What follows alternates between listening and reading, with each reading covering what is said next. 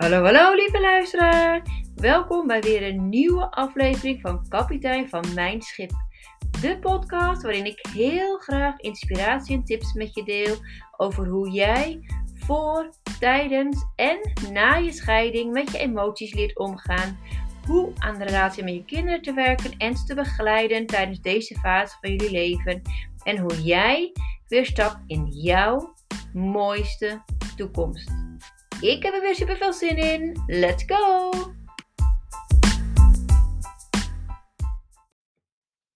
Hallo, hallo lieve kijker en luisteraar naar van Kapitein van Mijn Schip. Welkom bij weer een nieuwe aflevering, aflevering nummer 3. Zoals je hebt gemerkt wellicht uh, was aflevering nummer 2 was een opname uit uh, 2000. 21 uh, van vorig jaar, november. Toen heb ik hem opgenomen, nooit gepost. En ik kwam hem tegen en ik dacht echt, ja, ik ga hem nu gewoon posten. En dan uh, ga ik het, hoef ik het niet nog een keer te doen. Dus vandaar dat de data een beetje raar klinkt en uitkomt misschien in die podcast. Maar het verhaal, daar gaat het uiteindelijk om. Dat, dat is nog steeds het verhaal, het scheidingsverhaal. Dus dat, dat over uh, aflevering nummer 2. Nu, ondertussen ben ik inmiddels live geweest, zoals ik had aangegeven natuurlijk in aflevering 1.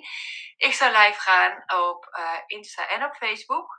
Nou, afgelopen woensdag was het op Facebook. En uh, nou, dat was geloof ik vier minuten. Super spannend. Echt, uh, echt wel even een dingetje. Maar helemaal goed gegaan. En morgenavond weer. Het is nu dinsdag dat ik deze opname maak. Dus morgenavond is weer woensdag, dus dan ben ik weer gewoon live. Ik doe dat nu eventjes op mijn eigen uh, account, Petra Westra account, Facebook. Um, ik heb niet zoveel uh, volgers ook op kapitein van mijn schip uh, Facebook. Dus ik dacht, ik ga gewoon beginnen met mijn, eigen, mijn eigen naam. Op die manier toch een community op te bouwen. Goed, en gisteravond was ik live op Insta. Nou, dat ging al een stuk beter. Ik had toen in ieder geval een boodschap. Dus dat was heel wat. Ik heb niet zoveel gelet op al die pop-ups die overal waren. Dat vond ik, al, dat vond ik met Facebook eerst keer ik wel. Oh, al die pop-ups. Maar goed, allemaal goed gegaan. En uh, met Insta heb ik er minder op gelet en ben meer gefocust op de boodschap. Dus dat, dat ging alweer een stuk beter. Dus ik maak ook vooruitgang. En uh, dit is wel grappig om dat te zien. Vind ik zelf altijd wel leuk om te volgen hoe iemand weer uh, vooruitgang boekt. En nou ja, vandaag is podcast 3. En vandaag wil ik het graag met jullie hebben over eigenlijk wat... ja, over dingen die ik heb geleerd. Af, vorige week heb ik een herhaling gehad van de cursus Kinderen scheiden mee. Omdat ik die in januari zou hebben gevolgd, heb ik gedeeltelijk ook gedaan. Maar daarna kreeg ik de griep en moest ik thuis blijven. Dus vandaar dat ik hem in januari niet heb kunnen afronden. Maar nu dus uh, ja, de eerste gedeelte herhaling meedoe. En nu uh, komende week dus de opleiding ga afronden. En ook een examen zal afleggen voor de kinderscheiden mee coach. Dus zover dat. Uh, in ieder geval, voor vandaag wil ik dus de hoofdthema's behandelen die de in, terugkomen in de kinderscheiden mee coachopleiding. Omdat ik denk dat dat wel hele belangrijke topics zijn. Um, uh, wil ik ze eigenlijk wel heel erg graag met je delen. Uh, de eerste topic, dat gaat erover dat... Um, even kijken, ik heb het allemaal opgeschreven. Oh ja, de kinderen zijn nooit de schuld. Dat is ontzettend belangrijk om aan te geven bij een kind. Een kind kan zichzelf nog heel snel, met de hersenspinsels die een kind heeft, de schuld gaan geven. Een kind is geneigd, en dat zijn eigenlijk alle kinderen, om te denken: als ik nou niet in het bed van papa en mama was gaan liggen, of als ik nou beter mijn best was gedaan op school, dan waren ze misschien nog bij elkaar. Of als ik nou niet zo ziek was geweest, misschien dat ze dan nog bij elkaar waren geweest. Of als ik nou beter had geluisterd naar papa of mama, misschien dat ze dan nog bij elkaar waren geweest. Een kind is geneigd om die hersenspinsels te hebben. En dat is niet bevorderlijk voor de ontwikkeling van een kind. En ook nooit waarheid. Want het is altijd, geloof ik persoonlijk, als kapitein van jouw schip ben je zelf verantwoordelijk voor je eigen leven. En is jouw kind dat niet. En heeft hij ook um, niet zoveel in te bepalen of je wel of niet gaat scheiden. Dat is de keuze tussen jou en je ex. En niet tussen jou en het kind en de ex. Daar heeft er niks mee te maken. Dus uh, jij en uh, je partner of je ex-partner, die hebben besloten om uit elkaar te gaan. En daar heeft een kind geen schuld aan. Mijn zinziens nooit. En dat is heel belangrijk om dat te vertellen aan een kind en dan ook te blijven herhalen voor een kind, zodat hij of zij daar geen last van kan krijgen later. Uh, de tweede punt is dat het belangrijk is om aan te geven bij een kind dat de scheiding onomkeerbaar is. Oftewel dat het een feit is dat jullie uit elkaar gaan. De reden waarom je daar uh, duidelijk in moet zijn, is omdat een kind geneigd is om anders met de hersenspinsels die het heeft te bedenken. Als ik nou uh, dit doe of dat doe, oh, misschien dat papa en dan weer bij elkaar komen. Of als ik nu heel goed ga luisteren, ja, misschien, misschien gaan ze dan weer bij elkaar komen. Of kijk, we gaan met elkaar deze gezinsactiviteit doen. Ze worden wel weer verliefd, ik weet het zeker. Het gaat wel weer samen verder hoor. Het gaat me wel lukken.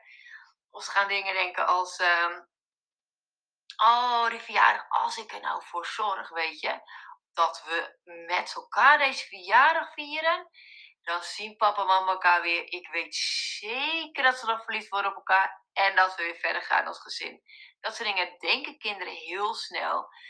En als je gewoon duidelijk bent van papa en mama gaan scheiden of zijn gescheiden. Papa woont in een apart huis, mama woont in een apart huis. We respecteren elkaar. Dat mag ik hopen tenminste. Dat je elkaar gewoon blijft respecteren. En ik hoop ook normaal met elkaar blijft, kan blijven omgaan. In hoeverre dat mogelijk is, dat hoop ik. Maar in ieder geval duidelijk zijn dat, het, dat een kind geen hoop hoeft te hebben. En uh, dat betekent dus niet dat je nooit een verjaardag samen mag vieren. Tuurlijk mag dat wel, wees dan heel, heel duidelijk naar je kind. Dat je zegt van, papa en mama gaan samen jouw verjaardag vieren. Of verjaardag van opa en oma vieren. Papa is nog uitgenodigd, mama is uitgenodigd, whatever. We komen daar als gezin. Dat willen we graag. Uh, maar papa en mama, zoals je weet, zijn gescheiden. Vanavond gaat papa in zijn eigen huis slapen, gaat mama in haar eigen huis slapen. En papa en mama komen niet bij elkaar. Dat je heel duidelijk bent. En mocht je vakantie hebben geboekt, uh, je hebt zoiets van, nou, dat hebben we al geboekt. Nog voor we dit eigenlijk hadden besloten. We vinden het wel leuk om dat alsnog te doen. Wees dan duidelijk richting een kind. En zeg, papa slaapt in zijn eigen kamer. Ik slaap in een eigen kamer. En papa en mama gaan na de vakantie ook weer ieder in ons eigen huis slapen. We komen niet meer bij elkaar. Alleen deze vakantie zou nog wel heel graag als gezin willen blijven. Als je dat willen, als zoiets speelt. Ik zeg dus niet, het is niet mogelijk om meer dingen samen te doen. Ik zeg alleen, wees heel duidelijk dat het niet meer gaat gebeuren dat jullie weer bij elkaar komen. Dat geeft een kind zekerheid. Dat is, dat is eigenlijk het belangrijkste. Uh, daarna is het heel belangrijk om te vertellen aan een kind en uit te leggen aan een kind de driehoek, de scheidingsdriehoek. Daar staat het kind staat boven, staat in de ene hoek, de andere hoek staat de papa, de andere hoek staat de mama. Uh, zoals je kan zien op het lijntje is de papa en de mama. Papa en mama zijn uit elkaar en komen niet meer bij elkaar. Maar het lijntje van het kind en de papa en het kind en de mama, die is intact en hoort ook intact te blijven. Um, en het is belangrijk dat je het kind uitlegt dat papa en mama evenveel van het kind blijven houden, ook al zijn ze uit elkaar. Een kind hoeft niet te gaan twijfelen aan de, aan de liefde van een van beide ouders. Dat is gewoon heel erg belangrijk. Dat is basis voor een kind. En ik denk dat als je die drie pijlers goed in de gaten houdt, dat je heel veel ja, ellende en onzekerheid voor een kind kunt besparen. En dat het, jou ook, uh, dat het jou ook gaat helpen in de bandopbouw met je kind. Dat je betrouwbaar bent, dat je kind weet van oké, nou dit zeggen papa mama en dat is ook zo. En dat je, ja, dat, je, dat het voor alle partijen op deze manier uh, het beste is om mee om te gaan. En ik hoor het graag als je nog aanvullingen hebt, want uiteraard is de lijst niet oneindig.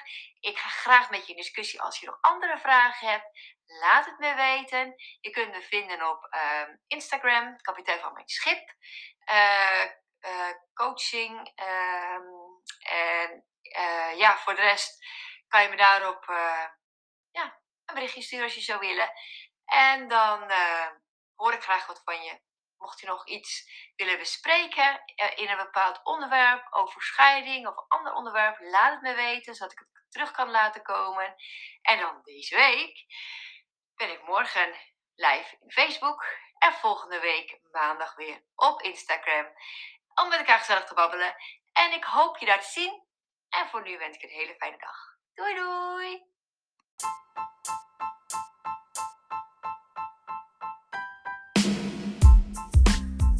Dankjewel voor het luisteren. Ik hoop dat ik je heb kunnen inspireren en laat mij vooral weten wat het voor je heeft betekend.